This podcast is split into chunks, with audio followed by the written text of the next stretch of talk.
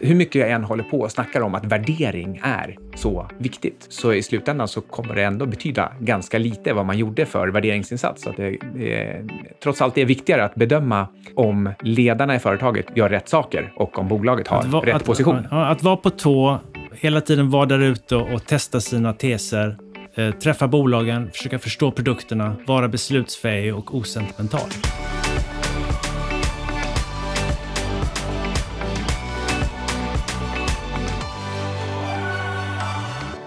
Hej! Du vill lyssna på Outsiders bonusintervju med Syding. Och Svan. Och vi har med oss TIN Fonder. Och vilka är ni? Erik Sprinkorn. Och Karl Armfelt. Vi ska prata om framförallt fyra bolag idag.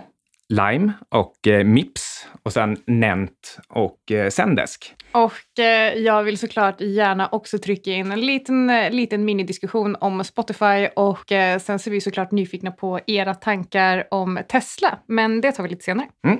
Vi, eh, vi får tacka vår osynliga ljudproducent Alexander Martin också. Men ja, nu, nu kör vi. Men vi kan, vi kan börja egentligen med eh, vilka ni och Core Ny Teknik är och vad ni vill åstadkomma och hur ni ska göra det. Ja, vi är ett nystartat litet eh, fond, en liten fondsatsning som satte igång eh, fonden Core Ny Teknik den 4 februari. Eh, vi har haft en lyckosam start i att det har kommit in drygt 35 000 kunder och faktum är att fondvolymen gick över en miljard förra veckan. Så det är jättekul att vi har fått en, en en bra start. Det låter som en sjukt bra start. Förväntar ni er så här mycket? Nej, alltså jag, jag gillar inte prognoser eh, rent allmänt, men om, om folk pressade, hade pressat mig liksom innan fondstart så hade jag kanske, om de verkligen vred om armen på mig, sagt att det kanske når en miljard på ett år eller sådär. Men så att eh, en miljard efter två månader är ju, är ju långt över våra rim, eh, rimligt ställda förväntningar. Liksom. Mm, kul. Men ni har ju också, eh, det är ju inte så att ni är helt nya vare sig med att titta på den här typen av bolag eller helt nya förvaltare, utan ni, eh, det är många också som faktiskt eh, har ganska stort förtroende för er för att ni presterade väldigt, väldigt bra i er tidigare fond Ny Teknik. Mm. Ja, någonstans, om man ska summera lite tanken om med TIN Fonder, det blir ändå att, att Erik och jag har jobbat länge tillsammans, eh, både med mer innovativa teknikfonder men även bredare mandat. Och jag tror väl att om man ska summera de sista åren så, om du sitter varje dag på jobbet, eh, kikar på bolag och gång på gång så hittar de mest eh, spännande idéerna faktiskt just i innovationssektorn. Så inser man efter ett tag, vad ska vi lägga vår tid på? Och, och då tycker vi ändå att grundtanken med, med TIN är att det ska vara en spjutspetssatsning just på teknikinnovation. Det är där vi hittar de mest intressanta eh, investeringskandidaterna. Och eh, många undrar då, vad blir skillnaden från tidigare? En skillnad blir att nu kommer vi fokusera mer på bara teknikinnovation. Och allt annat lika så tror jag ändå att ska man göra ett bra jobb, vad man än håller på med, så kan vi lägga all vår tid och energi på de mest innovativa bolagen. Då ökar väl sannolikheten att vi kan hitta de bästa affärsmodellerna och, och göra ett, ett bra jobb inom den nischen. Och, och lite grann också att eh, kan man säga att vi tror starkt på att de drivkrafter som ändå drev eh, tidigare fonder eh, bra historiskt, de, de kommer leva kvar de närmaste 10-15 år, åren och, och i vissa fall till och med accelerera i termer av, av den utveckling vi sker rent tekniskt i, i världen. Och, bara som exempel på att vi blir mer koncentrerade så kan man nämna att i tidigare verksamhet så, så förvaltade vi fyra olika fonder. Nu förvaltar vi bara en. Hur hittar ni bolagen förresten? Var letar ni? Hur letar ni? Vad gör ni? Ja, men mest så blir det bolagsmöten. Eh, alla innovativa bolag i Norden är inte alltid helt nya för oss, men vi lägger mycket tid på att träffa bolag, träffa duktiga entreprenörer. Eh, ganska ofta så när vi är ute och pratar om bolag eller pratar om en sektor som vi gillar, då är det också faktiskt ibland våra kunder som kommer med de bästa idéerna, som hör av sig. Eh, ibland så är det entreprenörer själva som ringer. Eh, så det är en, en stor mix egentligen, men, men lärdomen är att desto mer vi är ute och springer på möten och träffar folk, desto fler goda idéer blir det. Det blir oftast inte så många nya goda idéer om vi sitter på kontoret. En annan fråga då som är kanske, jag förstår att den är specifik för respektive bolag, men har ni någon, har ni någon riktig liksom exit-strategi som, eh, som ni går igenom för bolagen och ungefär hur, ser, hur ser den ut? Alltså, det man har lärt sig med småbolag är att de blir aldrig fullvärderade. Ett, ett litet bolag kan vara dyrt och det kan vara billigt. Men vi har egentligen inte någon uttalad exit-strategi. Någon gång händer väl att vi kikar på en värdering och känner det inneboende eh, värdet i det här bolaget kan inte vara så högt som den här börskursen. Och kanske någon gång per år som vi avyttrar ett bolag enbart på grund av värdering. Men, men det vi lägger mest energi på, och det är ju den eviga viktiga saken att hålla fokus på just i teknikbolag, det är ju, bygger de här bolagen en, en plattform som över tid blir värd mer? Och så länge de lyckas med det, då, då ska vi försöka vara långsiktiga. Men det kommer alltid vara något bolag vi kanske slänger ut på grund av värdering. Eller att det kommer ett, ett nytt management-team. Eh, eller att, att fakta förändras. Det gör det ju också. Det, så att, trots att man försöker vara långsiktig så kommer det alltid vara något bolag där vi, vi tvingas att, att ta en ny stans eller förändra vår uppfattning. Vi, vi säger det att vi, vi gillar att investera i bolag som har en affärsidé som inte har något bäst före-datum. Och liksom upptäcker vi det, att, att det faktiskt finns ett bäst före-datum eller att, att eh, durationen i ekosystemet runt omkring bolaget på något sätt förändras till, till något mer negativt. Det är väl snarare sådana situationer som gör att vi har avyttrat bolag än en eh, värdering alena. Utan snarare har det varit en, en, mer, nästan en av, av, av, de stora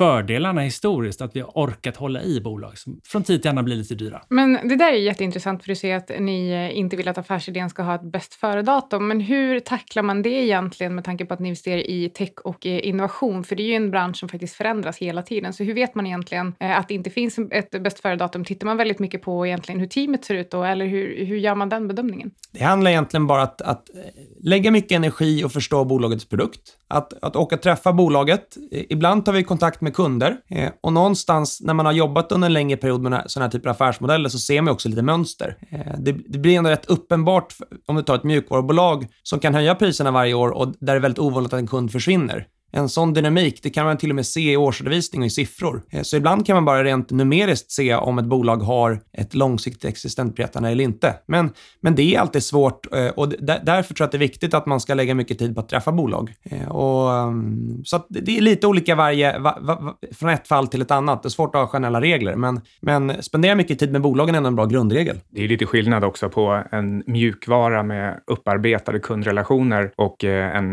verkligen riktig grundinnovation i en helt ny teknik, där också det Anna pratar om, den tekniska utvecklingen, kan göra att det faktiskt kommer upp ett, ett helt oväntat substitut.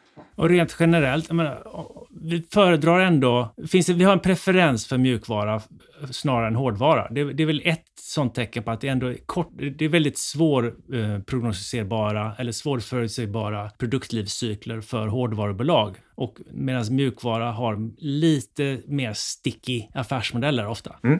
I dagens övning så kommer det bland annat ingå att eh, jag är en tråkig typ som eh, pratar om värderingar och, och, siffror. Och då blir det nästan per definition lite mer kortsiktigt än, än vad ni tittar på. Jag kanske har tre till fem eller max tio års horisont innan jag kräver att jag ska kunna se hur jag får tillbaka pengarna. Men eh, medan ni misstänker jag kommer ganska mycket hela tiden prata om att ah, men de, de fortsätter växa och de har en bra ställning och därför så, så överlever de. Så eh, vi får liksom se den här tennismatchen fram och tillbaka utifrån det perspektivet. Och också att det är ni två som har facit och som är förvaltarna. Jag sitter utifrån och tittar in och tar lite snabba siffror på några timmar i, i en årsredovisning och sen, eh, sen säger jag att det här, är, det här är dyrt eller billigt, inte de här har en stark position eller inte.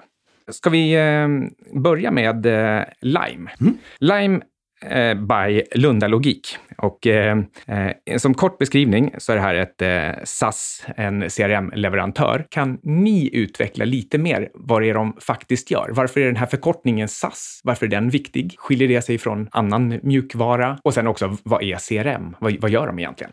Nej, men SaaS då, det är ju mjukvara som tjänst och det handlar om att du har en återkommande intäkt istället för att sälja en mjukvara på licens. Eh, och eh, vi kan väl säga att det är en stor trend i hela vår portfölj. Det är inte bara SaaS utan även GAS, Game as a Service. Och det blir Healthcare as a Service, HAS. Så allting blir AAS. Det är väl en typisk trend. Och vad, vad, är, vad är fördelarna mot att man eh, istället laddar ner hela grejen själv? En stor fördel är att varenda gång som Lime uppdaterar en ny funktion så kommer det alla deras kunder till gagn. Och därför kan du skapa mer effektivitet för din kund. Sen så är ju ytan under eh, kurvan blir ju större också om du har återkommande intäkter. Eh, och eh, så, så, en fördel är att, att mjukvaran ofta ligger i molnet. Eh, vad det gäller CRM så handlar det egentligen om att, eh, att alla bolag försöker på något sätt att digitalisera sin kundresa och digitalisera sin kontakt med, med eh, potentiella kunder. Både för nyförsäljning men även kundvård. Och, och CRM är egentligen mjukvara för att, för att systematisera försäljning och återkoppling till kund. Och det är ganska, egentligen ett ganska vitt begrepp, för det kan vara allt från annonskampanjer till cold calling, till återaktivering. Så många CRM-bolag har ju olika typer av inriktning. Vissa är lite smalare, andra är bredare. Eh, Limes styrka är att de är väldigt lokala. De åker ofta runt till sina kunder, eh, träffar dem löpande och eh, generellt då, frågar deras kunder så tycker de att de är, de är väldigt lokala men även duktiga på att bygga enkel mjukvara som funkar. Jag ska sätta lite värderingsperspektiv på det här.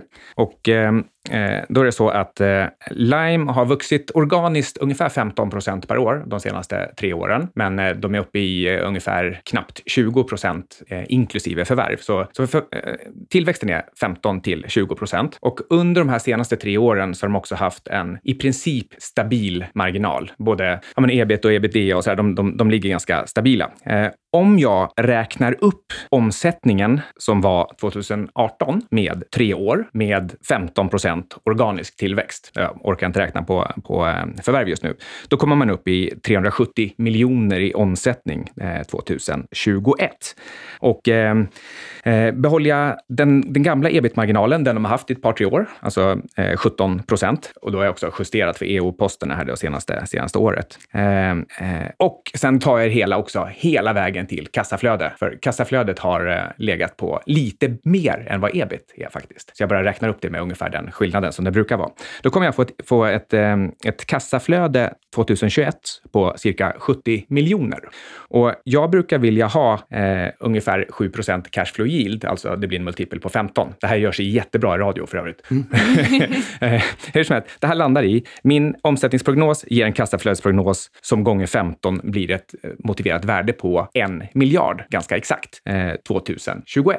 Men det faktiska Enterprise Value, det är eh, nästan 60 procent högre. Hur, va, dels, dels, vad säger ni om det här? Kassaflöde och multiplar. Eh, dels prognosen att jag tittar på tre år framåt och inte mer. Och, och, och, vad tycker ni själva om den här värderingen? Det vill säga, hur tänker ni kring hur ska vi få tillbaka pengarna baserat på det här kassaflödet?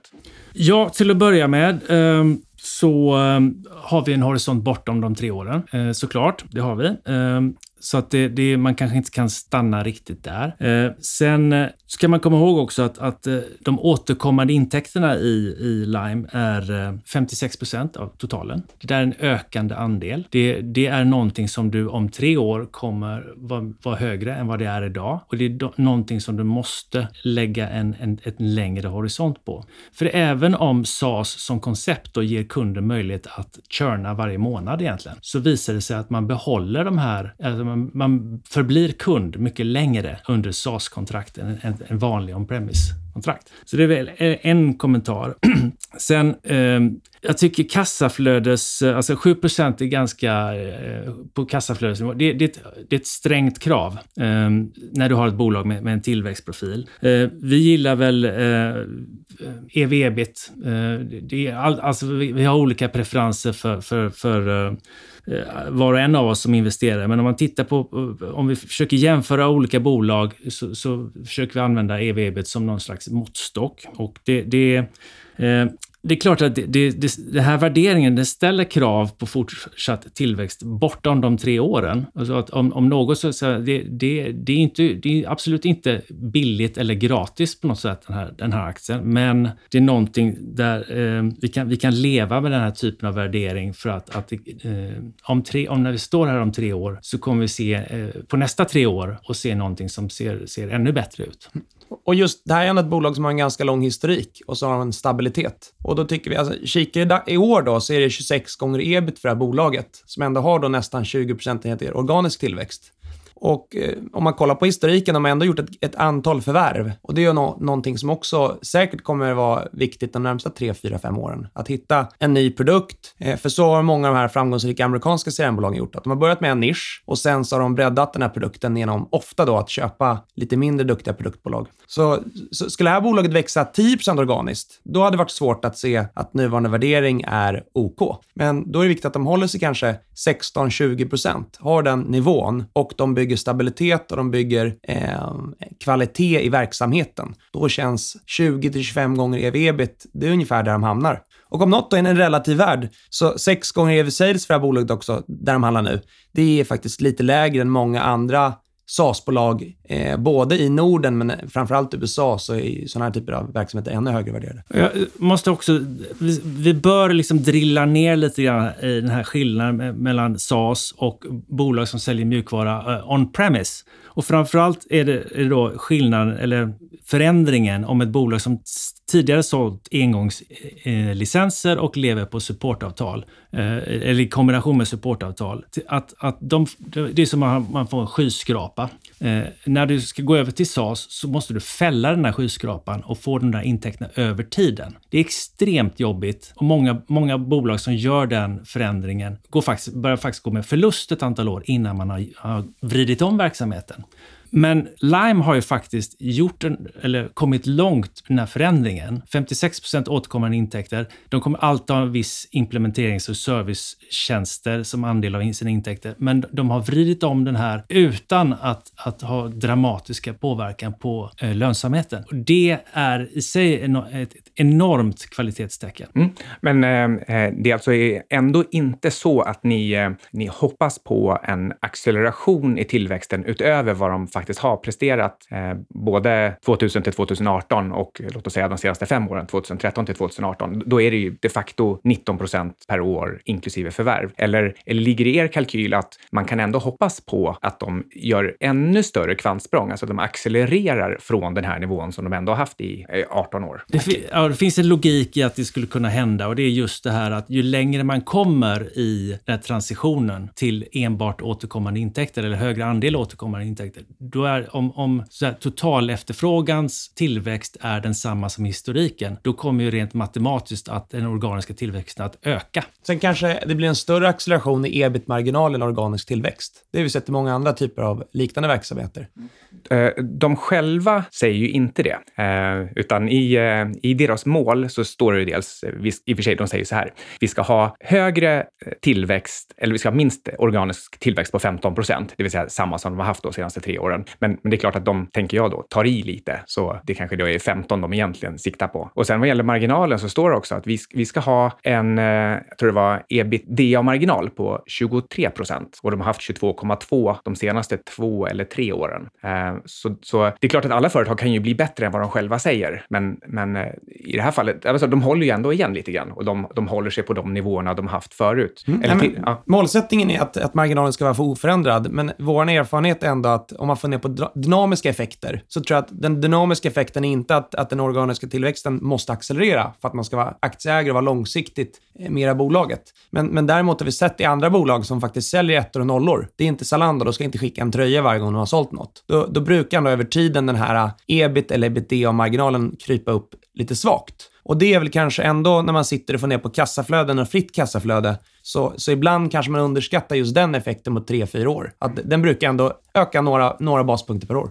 Då har jag bara en, en följdfråga här då på marginalerna. Och, eh, till exempel ebitda-marginalen, den har de senaste fyra åren varit 27, 24, 23, 21. Så den, den, den faller ändå med ett par procentenheter per år. Eh, den där sista på 21, den ska nog eh, justeras upp med EU-kostnaderna, antar jag. Eh, så, så det är inte riktigt med där, så att, så att de var ju stabila eh, sista året egentligen. Men, de, eh, men bortsett från det så har de ju redan fallit några procent per år fram till den här punkten. Och då är, då är frågan, alltså jag kan förstå att ska, eh, ska kunna lyfta den här och de kommer in i kanske andra segment, men, men jag undrar, Eh, ändå, eh, hur tänker ni att det ska gå till? Hur ska den här effekten bromsas? Och, och måste den bromsas eller räcker det faktiskt med att stanna här? Alltså, det, det, måste ju inte bromsas. Generellt, vi föredrar ändå bolag med lönsam tillväxt. Och lyfter man blicken då lite och kollar på amerikanerna, så Salesforce, de har ju liksom en, en ebit-marginal på 3% Många andra duktiga SaaS-bolag ligger faktiskt och taktar på negativ, för de försöker ta en landgrab och vinna sin lilla vertikal globalt.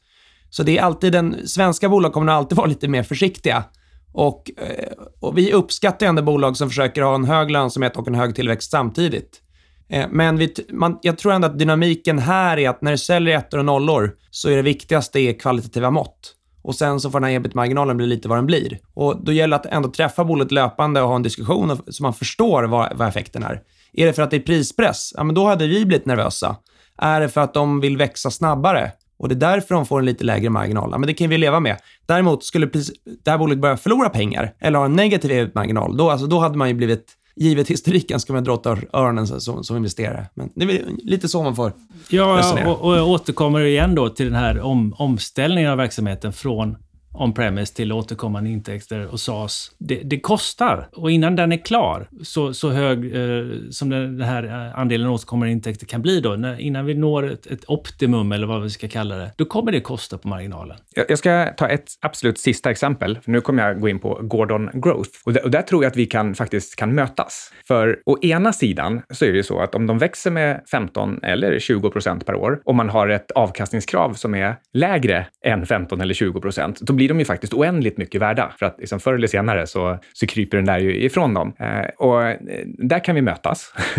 men, men, men där vi möjligen då inte kan mötas, det är frågan hur långt in i framtiden vågar man tro att de växer snabbare än avkastningskravet? Om vi, eh, jag har gärna ett avkastningskrav på kanske 8 procent i alla fall.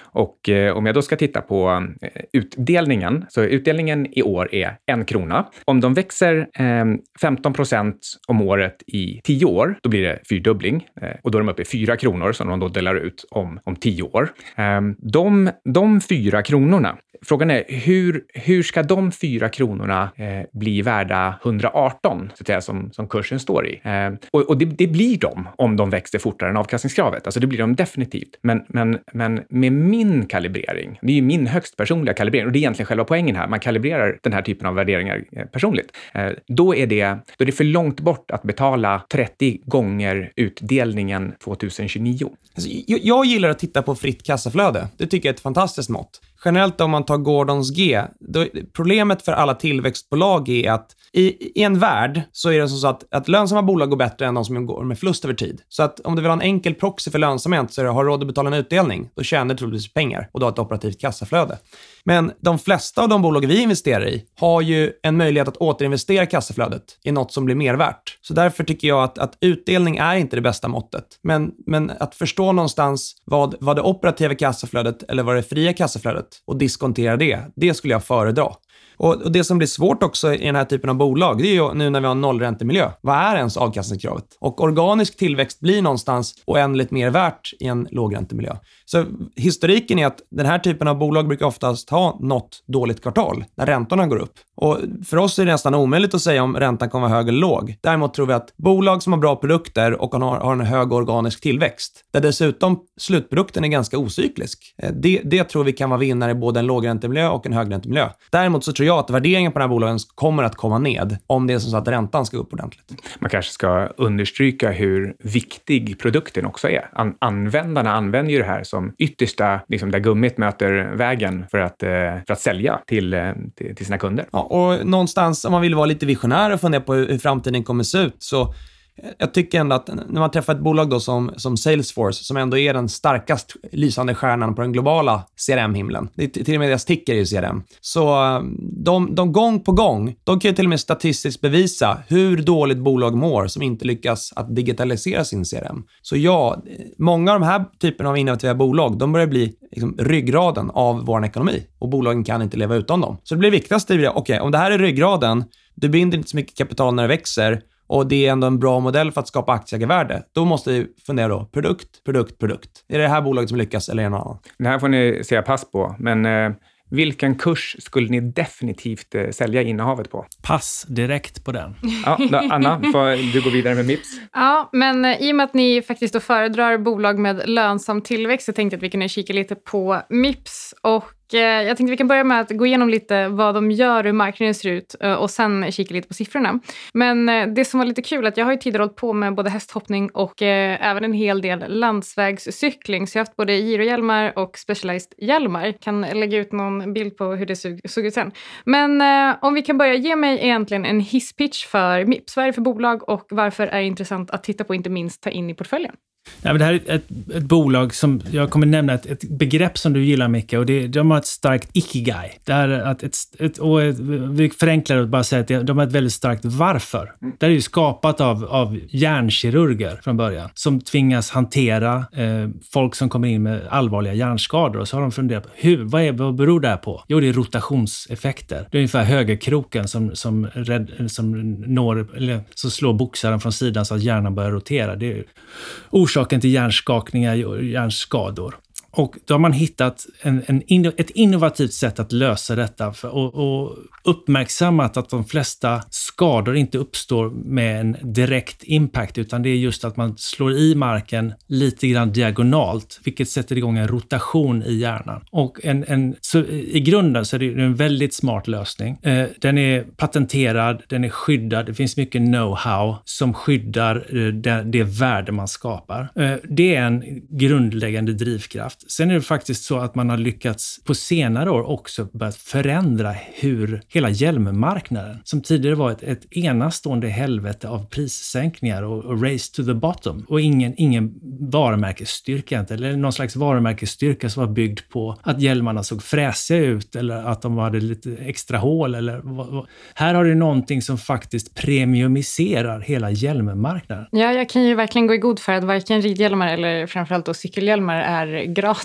om man säger så. Och eh, man förstår det för att Mips har ju vad de kallar för Brain Protection System, alltså de här BPS som du precis pratade om. Eh, men eh, idag har de ju kanske framförallt varit fokuserade på konsumenthjälmar men börjat titta lite mer mot eh, och gå in mer och kolla på yrkeshjälmar och framförallt då kanske inom militär. Men hur, vad skulle ni säga om marknadspotentialen? Det man kan säga är att om man summerar vad bolaget har åstadkommit sedan börsintroduktionen så har de ju ändå levererat på sina, sina långsiktiga målsättningar hittills och de har kommit in ett antal nya vertikaler. Allt från motorcykelhjälmar är ett väldigt bra exempel. Det är en stor marknad och där har man börjat bygga djupa relationer från att tidigare kanske varit väldigt stora och fokuserade just på cykling. Så det är väl ganska logiskt att tro ändå att även inom, inom professionella vertikaler, som det kan vara allt från en bygghjälm då till, till det exemplet du gav, så kommer de också säkert att kunna ta sig in. Och eh, bästa jag tycker ändå, om man jämför med ett annat bolag då, ta Gore-Tex. Det är också ett, ett väldigt framgångsrikt ingrediensvarumärke. I Gore-Tex fall så till och med där finns det ju bättre konkurrenter i dagsläget. Eh, jag tycker ändå att Mips, de, de ger ju ändå hjälmtillverkaren ett större värde för slutkunden än vad Gore-Tex gör. Ja, vänta, där, där behöver jag en, ett klargörande. Eh, är det alltså så att Mips säljer någon typ av liksom innanmäte till andra white label-hjälmar eller gör de hjälmar själva också? De gör inte hjälmar själva, utan de är en underleverantör till hjälmbolagen. Och deras tillverkning är integrerad i var, var, respektive hjälmvarumärkes tillverkning. Exakt, så Specialized har precis integrerat Mips eh, system i alla sina modeller. Om inte jag läste helt fel, så vad gjorde de det ganska nyligen? Men det här är ett klassiskt exempel om man gräver ner värderingen var ju att när bolaget kom till börs, då kände vi att värderingen var rimlig. Och som alltid det blir ibland då, när det är bolag som verkligen eh, blir väldigt entusiasmerar många privatpersoner, så stack ju aktien iväg ganska ordentligt. Och till, till, från tid till annan så var en som man sov lite dåligt över och svettades över och tänkte, hur ska de här växa in i värderingen? Och, och någonstans så tycker jag då, då får man kika på deras finansiella målsättning 2020. Och där säger de då att de ska omsätta då 400 miljoner kronor och göra en ebit-marginal på 40 procent. Och då finns det ändå någonting att ta på. Och då tycker jag att man, då får man, som varje år sedan börsintroduktionen så har vi funderat mycket på 2020-målet. Är de i takt nu? Kan de nå dit? Och alltid när det kommer ett nytt bolag till börsen, vi vet ju inte, vad är kvaliteten? Är det en 6 eller en 8? Alla marknadsför sig som att de är nior. Och det är ändå ett bolag som har levererat, som har varit väldigt tydliga och jag tycker också det är sådana här typer av bolag, det räcker inte med att träffa dem en gång. Ibland måste du träffa dem fem, sex gånger för att gräva i den här komplexiteten och förstå hur mycket grundjobb har den här forskaren faktiskt gjort ute på ett, ett, ett forskningslabb utanför Stockholm här i, i, över 20 år. Så de har ju en, en enorm eh, startsträcka mot många konkurrenter. Eh, och där, där, tycker jag, även då sista tiden när kursen rörde sig mycket eh, på den här nyheten kring att Bontrager ska göra någon konkurrerande eh, produkt, så eh, då, då, måste man verkligen göra sin hemläxa och gräva i bolaget och gräva i produkten och den tekniska komplexiteten. Precis, och om man då tittar lite på siffrorna och hur de faktiskt presterar, för precis som du säger så har de det här målet till 2020 om en nettomsättning på 400 miljoner och eh, mellan 2017 och 2018 så växte de ju med 53 procent från 125,5 miljon till 192,5 miljon. Och eh, skulle de nå det här 2020-målet så innebär det att de behöver växa med i snitt 44 procent per år de kommande två åren, alltså 2019 och 2020. Eh, och hur ska de egentligen göra det? Jag tycker själv, för att när jag började titta på det här bolaget så tittade jag först på värderingsmultiplarna och konstaterade ah, dyrt och sen så började jag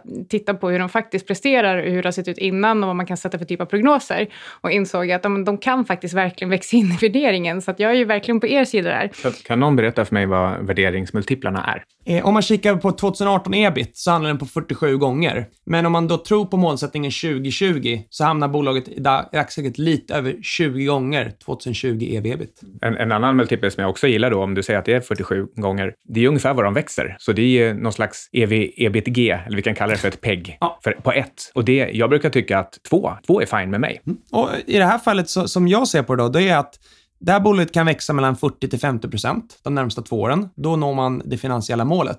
Men när man funderar på de här dynamiska effekterna så är det ändå ett bolag som skulle kunna fortsätta växa 30, 40, 50 procent även i två, tre år efter 2020. Och det är då det får, det är då det blir lätt att ändå räkna hem en sån här värdering. Kan de fortsätta växa på en hög takt eh, efter 2020, det är där det stora värdet finns då om man funderar på kassaflöden och, och fritt, fritt kassaflöde. Men hur tänker ni att, ni att de ska göra det? Hur ska de Jo, fortsätta men- den här höga tillväxten? Jo, alltså 20, de lanserade det här målet vid börsintroduktionen. Och det, det kunde man säga, ja, eh, man tog ställning till det. Det var, ju, det var ju satt lite grann, om man man känner de här människorna, det var inte hängslen och livrem, men det var ändå tydligt realistiskt att man skulle kunna nå det. Och nu kan till och med vi som outsiders i april 2019, med ett och ett halvt år kvar, och givet hur deras eh, affär funkar, man måste de- designa in, det tar tid. En hjälm som lanseras, kommer ut på marknaden om, om ett och ett halvt år, den är förmodligen i designfas eller verktygsfas redan nu. Så jag skulle säga att man kan sätta en hög sannolikhet på att de faktiskt kommer att realisera de här tillväxtmålen.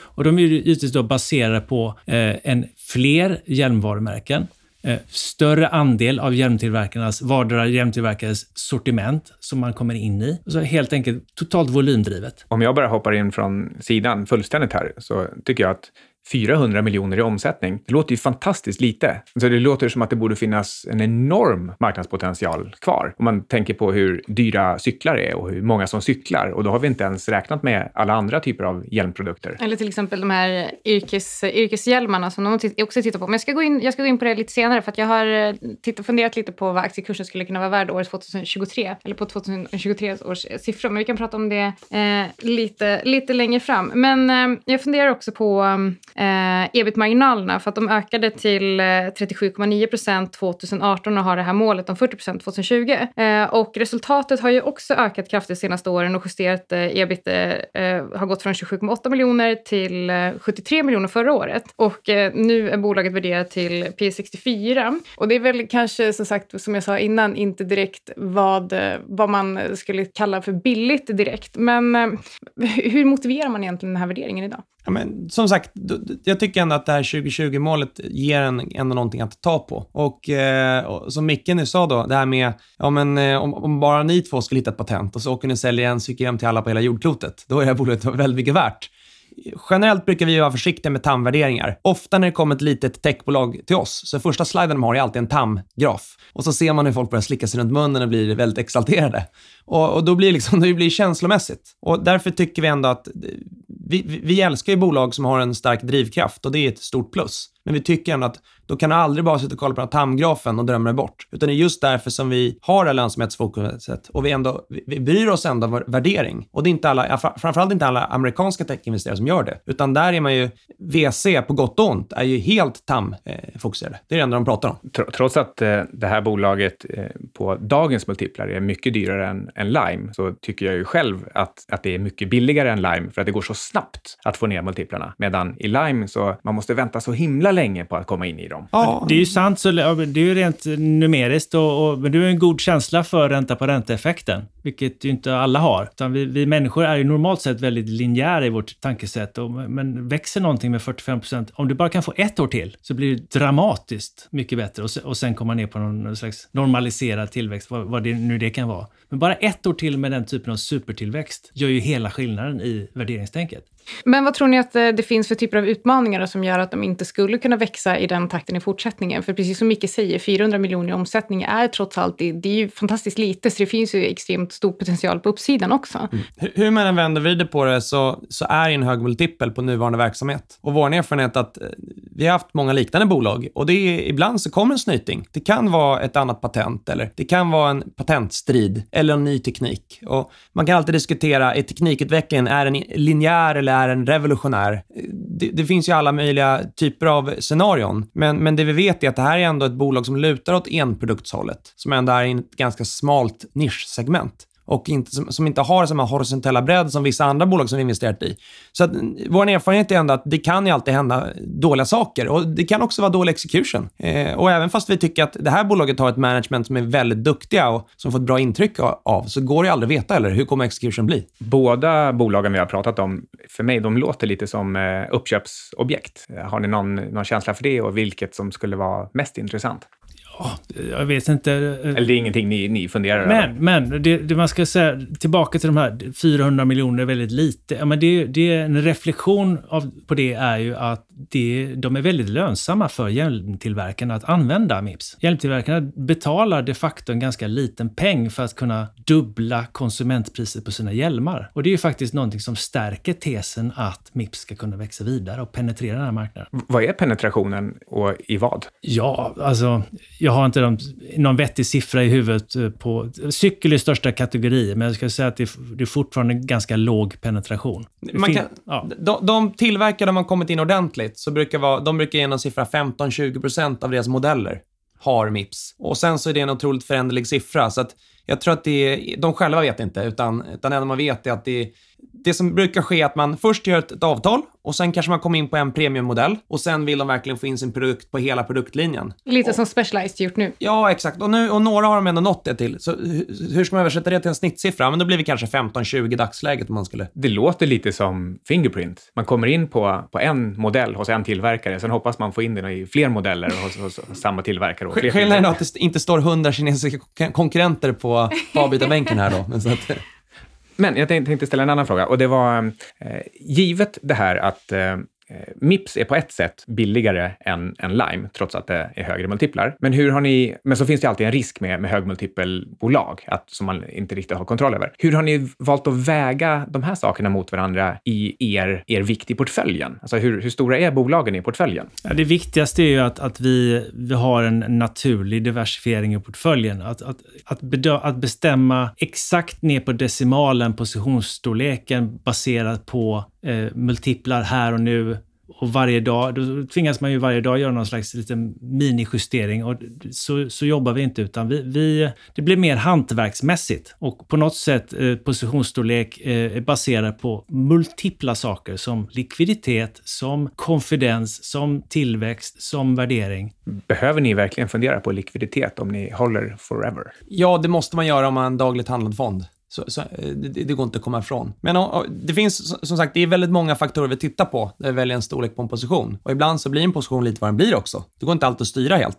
Men om det är en faktor som ändå är kanske den viktigaste så blir det ändå finansiell risk. När vi känner att ett bolag har en, en stabilitet och en bredd och en historik och tjänar pengar, och kanske har en stigande marginal, ja men då kan det vara 3, 4, 5 procent av portföljen. Men är det ett bolag som, som är på break-even eller skulle förlora pengar, då blir det naturligt faktiskt en mindre position. Så finansiell risk tycker jag ändå är en, det kanske är det viktigaste måttet för om man skulle försöka göra någon slags korrelationsanalys på våra positionsstorlekar. Då. Men om vi, om vi går tillbaka till Mips så funderade jag lite på om de faktiskt når sitt tillväxtmål till 2020 så funderade jag lite på hur de skulle kunna fortsätta växa årligen efter det. Så jag gjorde en liten liten, snabb och eh, extremt positiv prognos fram till året 2023 där jag efter 2020 tänkte att de skulle kunna fortsätta växa med 41 procent 2021, 40 procent 2022 och eh, ja, men säg 37 procent året 2023. Och nu har jag egentligen bara räknat med samma marginal som de själva satt som mål, alltså 40 procent. Och om vi dessutom skruvar ner multiplarna ordentligt, för jag kan inte riktigt räkna med att de ska värderas till P64 även år 2023, eh, även om jag inte heller tror att ett bolag som Mips någonsin kommer värderas till egentligen bara P15. Eh, men vi kan titta på ett P-intervall om 18 till 35 och att eh, PS kanske kommer ner från dagens 18 till 7, även om det också är extremt dyrt eh, för 2023 års resultat. Och om de växer i takt med den här prognosen så skulle omsättningen ligga på cirka en miljard kronor och ebit på mellan 350 och 400 miljoner, vilket om vi sätter en PL-multipel på mellan 19 till 20 och PS på 7 så skulle det kunna betyda att de är värda typ 300 kronor år 2023. Skulle ni säga att det är rimligt? Är det för lågt? Och vad har ni själva för prognoser prognoser och förväntningar på bolaget.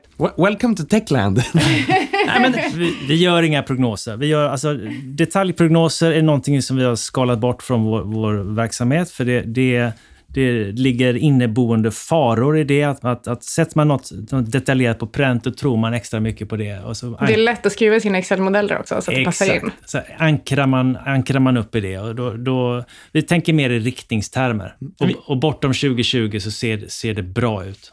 Okej, men, vad, men eh, vad, vad, skulle ni säga är en rimlig värdering för bolaget just nu? Tycker ni att det är... Eh, vi pratar om att ni tycker ändå att det ser liksom attraktivt ut på dagens nivå, men vad skulle ni säga egentligen är en rimlig värdering om de når sina tillväxtmål fram till 2020? Om man säger då att, att Lime ser lite dyrt ut, för det håller vi med om, så ser väl Mips OK ut om man skulle sätta betyg. Så det blir OK. Eh, och eh, annars som Erik sa då, vi får tänka på det lite som en, en supertanker. Vi måste följa de här bolagen eh, och fundera på vad är tangentens riktning? Bygger de kvalitet? Gör det de, det de säger att de ska göra? Eh, och eh, det här är ändå ett bolag som är ganska, som, som du säger då, omsätter lite och ändå har framtiden framför sig och med sin affärsplan kan göra något väldigt bra på många år och också är en utköpskandidat. Så att då, då kan inte vi sätta en riktkurs. Jag tycker att eh, om vi spenderar så mycket tid på att sätta riktkurser, då skulle inte vi ha tid att hitta rätt bolag och hitta rätt produkter. Så det, det gör vi inte. Sen är det väl också så här att det, om det är en sak som är svår att hitta just nu så är det billiga bolag och är det en sak som är helt omöjlig att hitta just nu så är det billiga bolag inom tech. Ja, det är ett sätt att se på det. Istället för den här modellen eh, GARP, Growth at a reasonable price, så får man köra GAP. Growth at a price. any price, eller GAP. Just det, ni gillar ju sådana med dubbel A. Vad, vad tycker du själv, Anna, om värderingen? Ja, men jag tycker att eh, de definitivt kan växa in i den och eh, som jag sa innan då, när jag började titta på Mips så tänkte jag direkt det här är alldeles för dyrt och sen efter att jag tittat lite närmare så kände jag att men jag vill nog ha lite Mips i portföljen ändå. Så eh, nej, men jag tycker precis som, som Kalle säger att det är OK. Men, men du då Micke, det hade... Och, vadå, äger jag, äger jag den nu eller inte? Ja, du äger lite Mips nu. tack, tack, så mycket. Då. Tack, tack, tack för att ni tipsade oss om att titta på de här bolagen. um, men du hade ett bolag till innan, vi, eh, och innan jag tar mitt sista också. Ja, precis. Vi kör, eller vill ni säga någonting mer om Mips? Annars så pratar vi Zendesk. Vi hoppar till Zendesk. Ja, ja. kör hårt. Zendesk. Och eh, i korta drag, jag tittade inte så noga på Zendesk, men det känns som ett, eh, ett, ett amerikanskt eh, Lime, men eh, dubbelt så dyrt men växer med 40 procent om året. Och jag kollade inte upp vad som var organiskt och vad som var förvärv, men jag tror det var organisk tillväxt på 40 procent. Så det är liksom väldigt typiskt när man tittar på mjukvaror så finns det alltid någon amerikanskt bolag som är mycket större och växer snabbare. Jag vet inte hur de lyckas. Eh, men det här är faktiskt, det är inte helt amerikanskt, det är ju danskar. Jaha, okej. Okay. Ja, det, det, var bara att jag... Ja, Utanför jag, Sverige, jag, så potato potato. Ja. danskar i San Francisco. Ja, okay. ja. De, de, flyttade faktiskt till San Francisco 2009. Där ser man också för, hur det blir när man tittar snabbt på saker. Ja, för då, då de tyckte, grundaren då, eh, som heter Mikkel Svane, han, han bodde i Köpenhamn och, eh, och tyckte att startup-kulturen var alldeles för rutten. Så skulle jag flyga så var han tvungen att flytta. Så då valde han att flytta till San Francisco. Och där har de haft huvudkontoret då, jag tror att det är sedan 2009. Mm. Och, och någonstans Eh, när man kollar på tech-innovation och man kikar på några av de här absolut bästa bolagen i hela världen.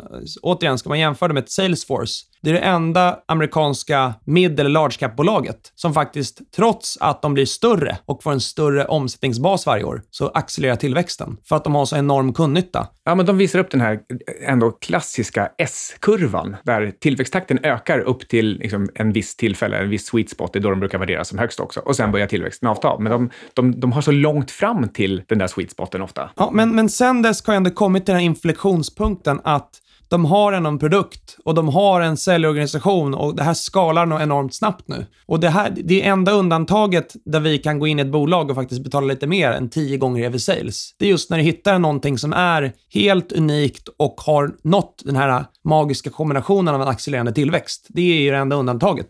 Och om man gillar då ränta på ränta så 40% organiskt, det är faktiskt något som de inte bara kan göra ett år till, utan skulle kunna göra fem sex år till i framtiden. Och som också då är om du, om, om du frågar tio stycken duktiga amerikanska SAS-analytiker så ska alla gissa att det bästa take-out candidate som finns är Zendesk. Så då, det, det, det, det, är svårt att ta på ibland, men när man gräver de här bolagen och förstår lite dynamiken så de, de har ändå kommit till den här lite mer unika punkten som sällan svenska techbolag når. Och om man ska beskriva Zendesk inom CRM-marknaden så är de de är, har ju sitt ursprung och är starkast inom kundsupportfunktioner. Så eh, från den positionen, en, en, som de har sålt till många kunder, alltså bara supportdelen. Ja, en slags eh, helpdesk, eller? Ja, ungefär så. Så gör, gör det möjligt för helpdesk-personal eller kundservice-personal att hålla koll på vem, vem du är som ringer eller chattar eller mejlar och har en, en enhetlig vy och kan ge dig bästa eh, resultat. Eh, från den positionen inom support så har de växt vidare, byggt ut sin svit av, av CRM-lösningar i, i, andra delar. Som, som sälj och annat. Och de går även upp i kundstorlek nu. De kör upmarket och kommer stå sig väl mot större konkurrenter. Möter de eh, Salesforce? Det kommer de att göra. Och eh, om man tittar lite grann på siffrorna så eh, jag bara noterar att de, de har en negativ rörelsemarginal och de gör förlust. Men så är det en massa här, justeringsposter och annat i, som jag inte hann sätta mig i exakt vad det var för någonting. Så de gör ändå ett hyfsat kassaflöde. Givet att det är EV Sales på, på 15 så, så är det ändå eh, bara 115 gånger cashflow på 2018. Jag menar som sagt, de växer ju så fort så att det där blir, blir snabbt eh, nere på eh, Mips-nivåer ändå. Men eh, eh, förutom att då bedöma modellen och tillväxten och positionen, har ni tittat på de här siffrorna och kan förklara för mig vad de här konstiga justeringsposterna är? Varför gör de så stor förlust och samtidigt ändå ett hyggligt kassaflöde? Det är ju aktieoptionsprogram. Eftersom kursen har gått bra så, så blir de väldigt dyra i redovisningen. Så att när vi tittar på alltså firm value eller, eller earnings power i, i bolaget så får vi justera för dem och titta på en, en justerad ebit långsiktigt. Och sen får vi ta hänsyn till det, det faktum att de har optionsprogram som alla sådana här bolag har och göra,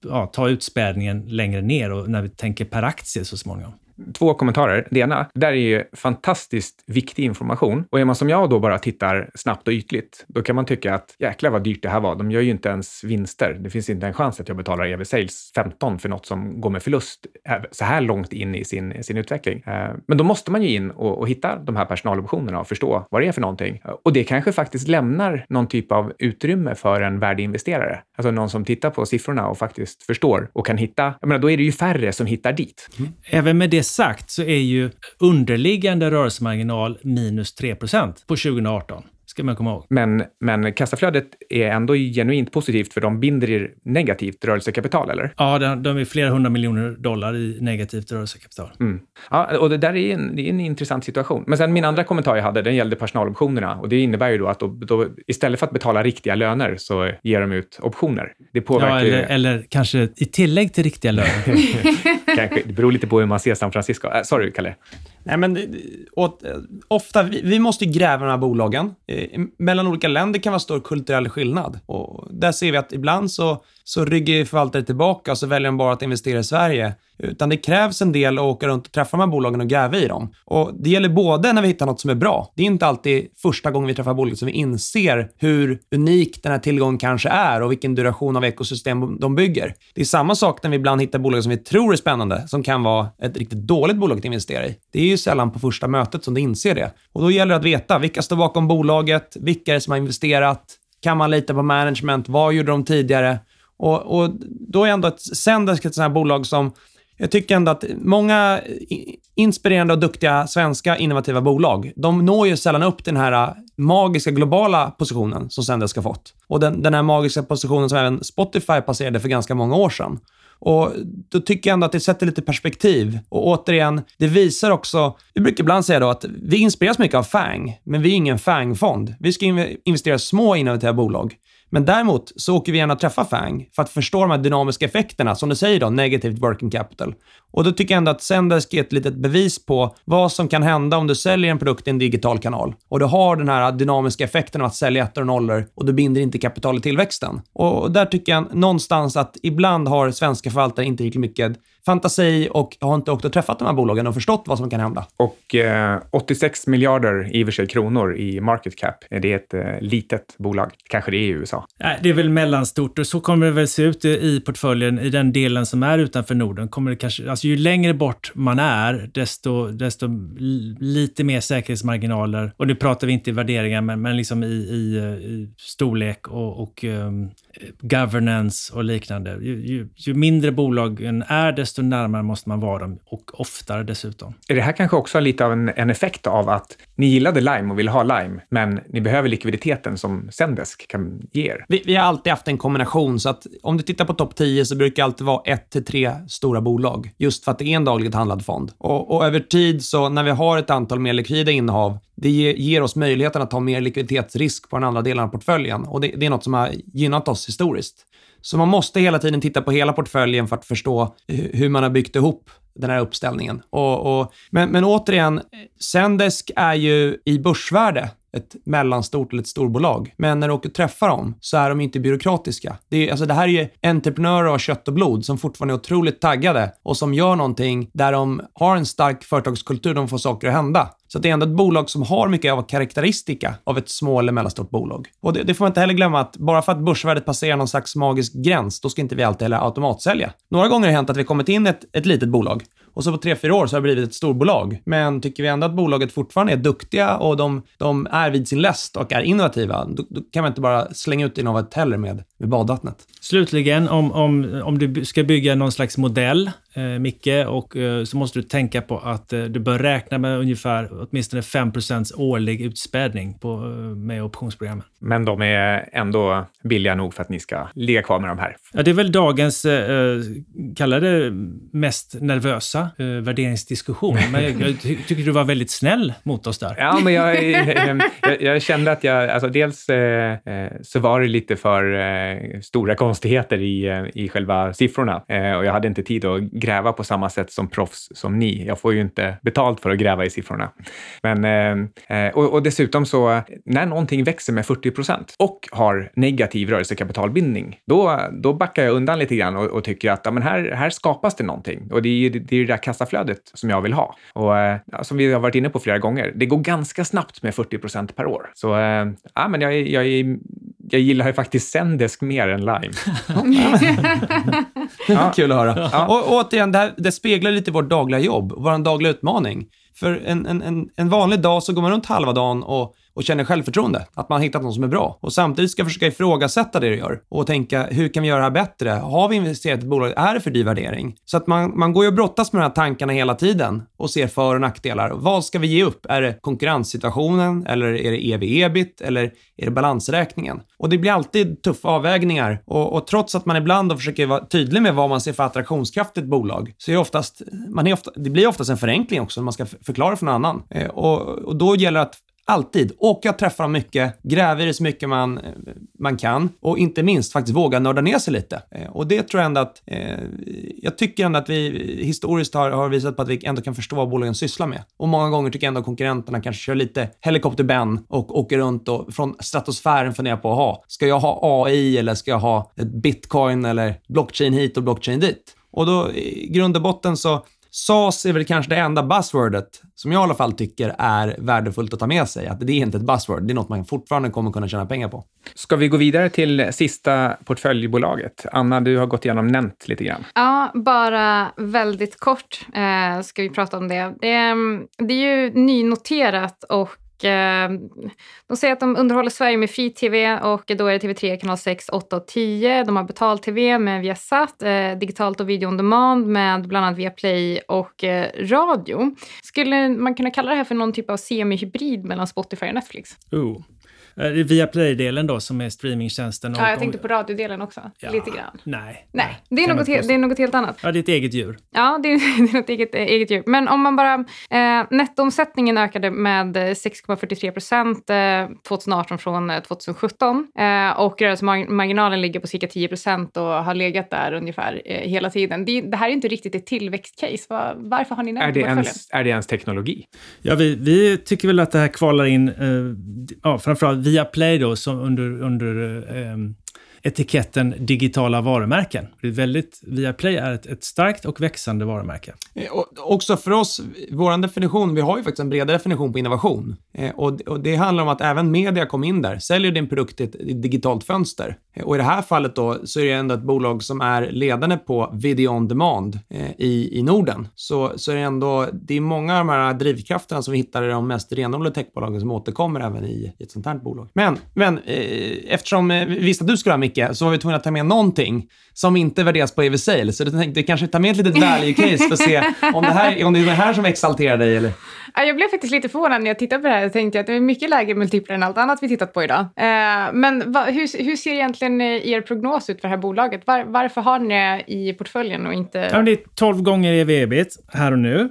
Och 10 marginal, 10,6. Um, ehm, vad kan det där bli? Ja, bolaget har ingen, ingen prognos, inget, inget mål, men man, man, kan ändå se en potential för att man i Norden skulle kunna gå från nuvarande 1,3 miljoner via Play-abonnenter, vilket var en högre siffra. Uh, de har inte pratat, talat om det tidigare, men, men det är ändå... Skulle det där kunna bli 4-5 miljoner på några år? Kanske. De stärker sin produkt, de gör e fler egna serier. De kommer nio stycken förra året, 20 stycken detta året. Kan bli upp till 30, 30 stycken nya serier varje år. Det låter ju faktiskt ganska mumsigt med de där multiplarna. Det är, nu är det Anna som fick eh, uppdraget att titta, titta noggrannare på det här. Men, eh, eh och om de kan hålla en tillväxt som är ja, som BNP eller i alla fall, eller lite snabbare till och med. Ja, men det, det kan kom... komma, komma upp lite grann. Men det, de har ju delar som kanske minskar i betydelse också. Det, det, det, ska man hålla i minnet. Men, Hur ser kassaflödet ut? Är det, är det ett bra kassaflöde eller är det som Netflix? Ja, det är jättebra kassaflöde. Men, men det, det viktiga då, om man, om man ska vara lite visionär, om de kan gå från 1,3 till 4-5 miljoner abonnenter, Låt oss säga att de kan dubbla omsättningen i gruppen tack vare det. Om de dessutom kan, kan göra det med en stigande rörelsemarginal. För en sån verksamhet så borde man kunna ha 20-25% rörelsemarginal. Mm, så du både kan få en dubbla omsättningen och högre marginal. Eh, och redan nu så är värderingen ja, men ungefär som börsen. Ja, men och, om, om det där kan hända så är det EV 3 om x år. Om det är fem eller tio har jag ingen aning om. Men, men det, är alltså, det, det, är det som händer rent matematiskt om de realiserar en sån vision. Men vad ska krävas då för att de ska gå från eh, den typen av användarantal som de har idag till 4-5 miljoner om man tittar på hur konkurrenssituationen ser ut idag? En viktig sak, det är ju då, då får man skaffa sig en uppfattning. Kan de här vara duktiga på att göra lokalt content? Och där har väl historiken visat att, att Netflix är väldigt duktiga på att göra internationella serier. Det, det är en viktig del av analysen. Kommer eh, de, de här faktiskt fortfarande att Viaplay vara ledande på att göra lokalt content. Och det får man ju diskutera. Jag tycker att, ska man vara lite djävulsadvokat mot sig själv, mm. så här i helgen så kom ju faktiskt den första svensktalande serien. Skulle precis säga det, faktiskt, att Netflix eh, börjar jobba mer med lokalt content också. Ja, och den heter Störst av allt. Jag såg faktiskt alla fem avsnitt, eh, eller om det var sex, enbart i research-syfte och måste säga att det var kanske den bästa serie jag sett på svenskt språk. Ja, vi var på gång att sätta på den, men det görs ju extremt mycket reklam om den också. Den, ja. den är ganska, ganska obehaglig. Typ så här, Eh, alla älskade honom till en början i alla fall. Men hörni, alltså ett, om, om, om man ska vara, eh, titta på bullcaset här då. Ni har inte Viaplay. Nej. Men ni har HBO och ni har Netflix. Ja, men vi... Och så, så är det även i, i mitt hushåll. Och du har inte Viaplay? Nej. Eller? Nej. Men hur, hur var det bullcaset? Menar du att potentialen finns att vi skaffar Viaplay? Vi, vi hade behövt, Exakt. Ja, men vi, vi, vi, hade behövt att eh, det största av allt, alltså serien som Kalle pratade om, att den var på Viaplay. Då hade du haft ett case. Vad, ja, vad finns det för content på Viaplay idag?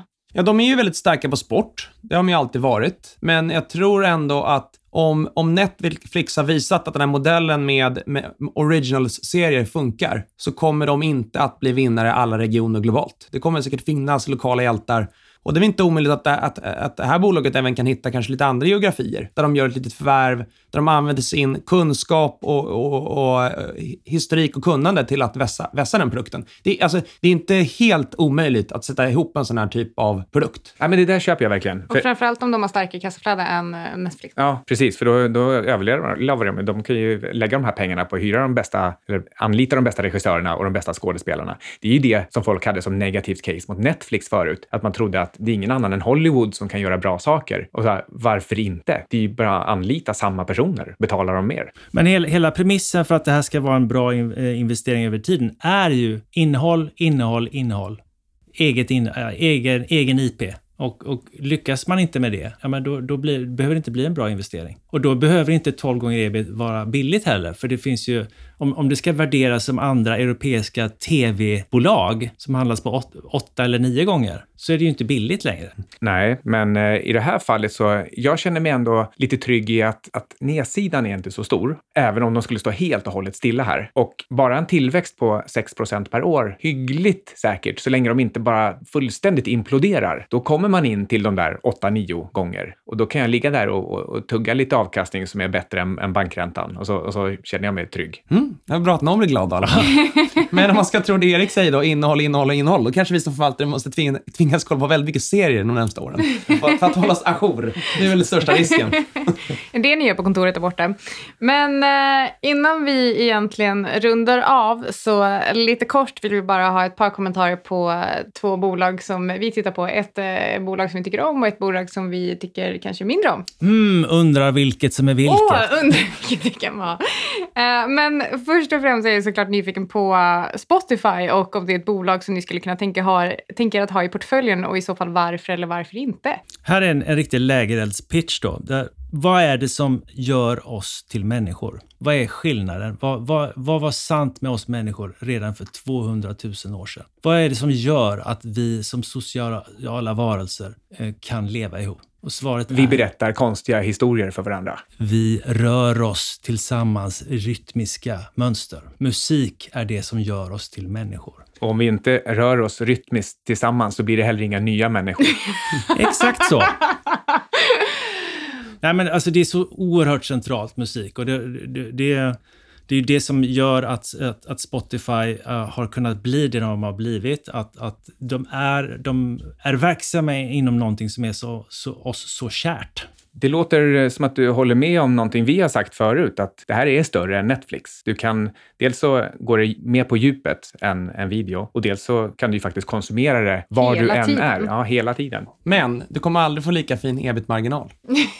Det är en stor skillnad. Och någonstans, eh, när de kom till börsen, det gjorde vi ändå jobbet. Vi åkte dit, vi deltog på kapitalmarknadsdagen i New York, eh, var där och grävde, vi räknade på det. Eh, och, eh, och vi kom ju fram till då att vi tyckte ändå att det var lite för svårt att skaffa sig en stark uppfattning om, om den här värdekedjan, om de kommer lyckas med att höja marginal över tid. Och i- om det var så mycket osäkerhet hade vi lite svårt att betala den värderingen. Sen är det också, det här är ett bolag som också är lite större än vad vi normalt tittar på. Så det, det var ju inte kanske våran sweet spot heller i börsvärdesstorlek. Men, men fortfarande så tycker vi, nu så verkar det som att Apple Music nästan är på väg förbi i USA. De har precis gått förbi USA faktiskt. Och om man tittar på den här sista annonseringen som kom från Apple nu i, i, eh, i våras, var ju att, att Apple går ifrån att försöka göra världens bästa hårdvara till att bli SAS av allt. De ska vara SAS av tidningen, SAS av musiken. Eh, nu ska vi in på då GAS, Game as a Service, och börja konkurrera med Steam.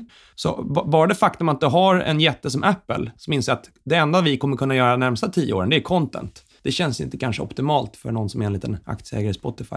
Men, men det är ändå ett bolag som vi, vi, man vill ju ändå vara lite stolt att det är ett svenskt bolag. Vi hoppas att de kommer lyckas. Men för oss var det ändå lite stolpe ut då. Och då fick vi ta passa tills vidare. Ja, det är su- surt sa räven. Det här är man liksom en av de 500 första användarna av tjänsten i Sverige och, och köper inte aktier. Men vi, vi, det är väl, man kan väl summera det som så att, att vi, vi gillar verkligen bolaget men är mindre förtjusta i aktien. Så det är lite tvärt emot Nent då. Ni använder tjänsten men köper inte aktien. Exakt. Exakt så. Mm. Ja, Men, ska eh, vi Tesla köra, då? köra Tesla då? Det är, det är ju FAS, står det för. Fraud as a service. Eh, har, har ni tittat på dem? Är det överhuvudtaget intressant? Eh, har ni något roligt att säga om Tesla? Jag tycker att, att man ska följa Tesla för att det är lite som en, en realtidshistoriebok för det nya företagandet. Lite industri 3.0. Det representerar ändå bolaget och jag tycker man kan lära sig väldigt mycket av, av bolaget. Kollar man på aktien då och ska vara eh, leka förvaltare, så eh, det är klart att vi har kikat på dem från tid till annan, men det är väldigt många andra aktörer som kommer in med konkurrerande modeller. Och kikar då på Polestar eller kikar på, på Audi e-tron nu, så fortfarande specifikationerna på dem är ganska kassa. Men, men om något så blir jag blev väldigt besviken när Tesla Y kom. Jag tycker det... Jag hade tänkt att Tesla Y kanske kommer bli min nästa bil. Och så när jag såg den tänkte jag, vad är det här för ankunge? Alltså, Du menar modell 3 fast eh, med ett nytt namn? Ja, Model T med ett nytt namn, exakt. Nej, alltså, jag, jag, jag, hade ändå hoppats att Y skulle vara den här bilen som man kände bara wow, det är den här man vill äga om två år. Eh, men men eh, så, så känner inte jag. Det, det jag tror de är väldigt duktiga på fortfarande, det kommer vara självkörande bilar. Där tror jag ändå att de har ett försprång. Men, men återigen då, eh, jag stoppar inte in dem i fraud as a service-bucketen. Eh, jag tror ändå att det finns något i bolaget, men, men jag känner att eh, i sådana fall skulle det vara mer på spekulationskontot än på investeringskontot. Det som är intressant, bland annat när du kallar det här för Industri 3.0, det är att de, eh, det här är ett av de alla bolag som egentligen gör, de gör någonting helt annat än vad de på ytan ser ut att göra. Om du frågar någon på gatan så då tillverkar de bilar.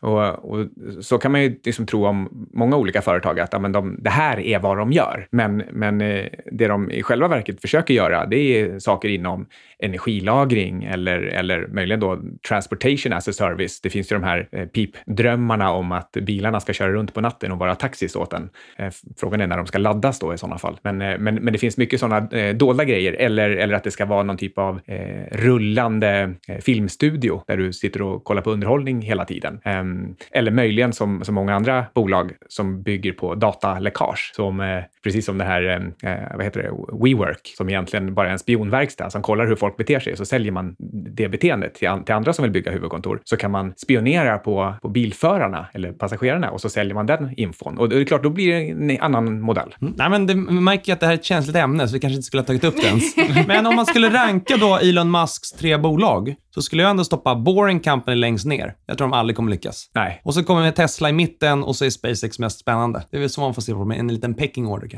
Ja, det ska bli eh, väldigt spännande att se vad, vad de lyckas göra med, med SpaceX. Nu, nu faller ju omsättningen ordentligt i år och eh, de har fortfarande inte gjort några vinster. Så ja, det, det är spännande det också. Micke är lika positiv som alltid när Elon Musk är inblandad. Men hur, hur ska man egentligen eh, sammanfatta det här? Eller innan vi sammanfattar det, var, var hittar man Core Ny Teknik? Ja, man kan, dels kan man eh, titta på vår hemsida, tinfonder.se. Eller så kan man titta på hos någon av våra samarbetspartners. Avanza, Nordnet eh, eller SEB. Eller ja, det finns ju flera. Fråga din bank. Och var kan man följa er då? På Twitter antar jag? Båda två eller?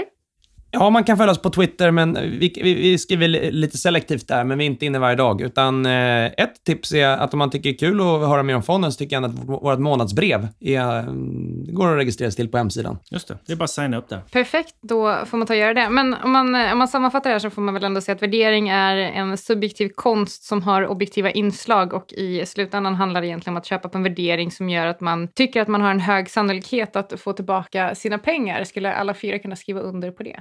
Hail. det lät bra. Vänta, jag zonar ut lite grann där. Ja, men, det, ja, men, eh, men det är klart, liksom, en, en sak som, eh, som gör det här svårt, det är ju att det är en sån stor fördröjning mellan beslutet och beräkningarna och sen det faktiska utfallet. Så det, det, det är lite svårt att hålla isär vad som är ett bra beslut och vad som är tur eller otur. Eh, och sen är ju också världen förändras ju. Det, Kalle var inne på det någon gång i, i, i början, att man, kan, man kan till och med göra ett bra beslut som borde ha lett till ett bra utfall fall, men, men världen faktiskt genuint förändras och, och då står man där med sitt innehav. Så, eh, så äh, min poäng är att hur mycket jag än håller på och snackar om att värdering är så viktigt, så i slutändan så kommer det ändå betyda ganska lite vad man gjorde för värderingsinsats. Så att det, det, trots allt är viktigare att bedöma om ledarna i företaget gör rätt saker och om bolaget har va, rätt att, position. Att, att, vara på tå, hela tiden vara där ute och testa sina teser Eh, träffa bolagen, försöka förstå produkterna, vara beslutsfähig och osentimental. Och eh, med eh, de orden tror jag att vi skulle kunna tacka Karl-Erik från Teen Fonder för att ni kom hit och snackade lite värdering och bolag. Ja, stort tack. Ni har tack lyssnat tack så mycket. Outsiders.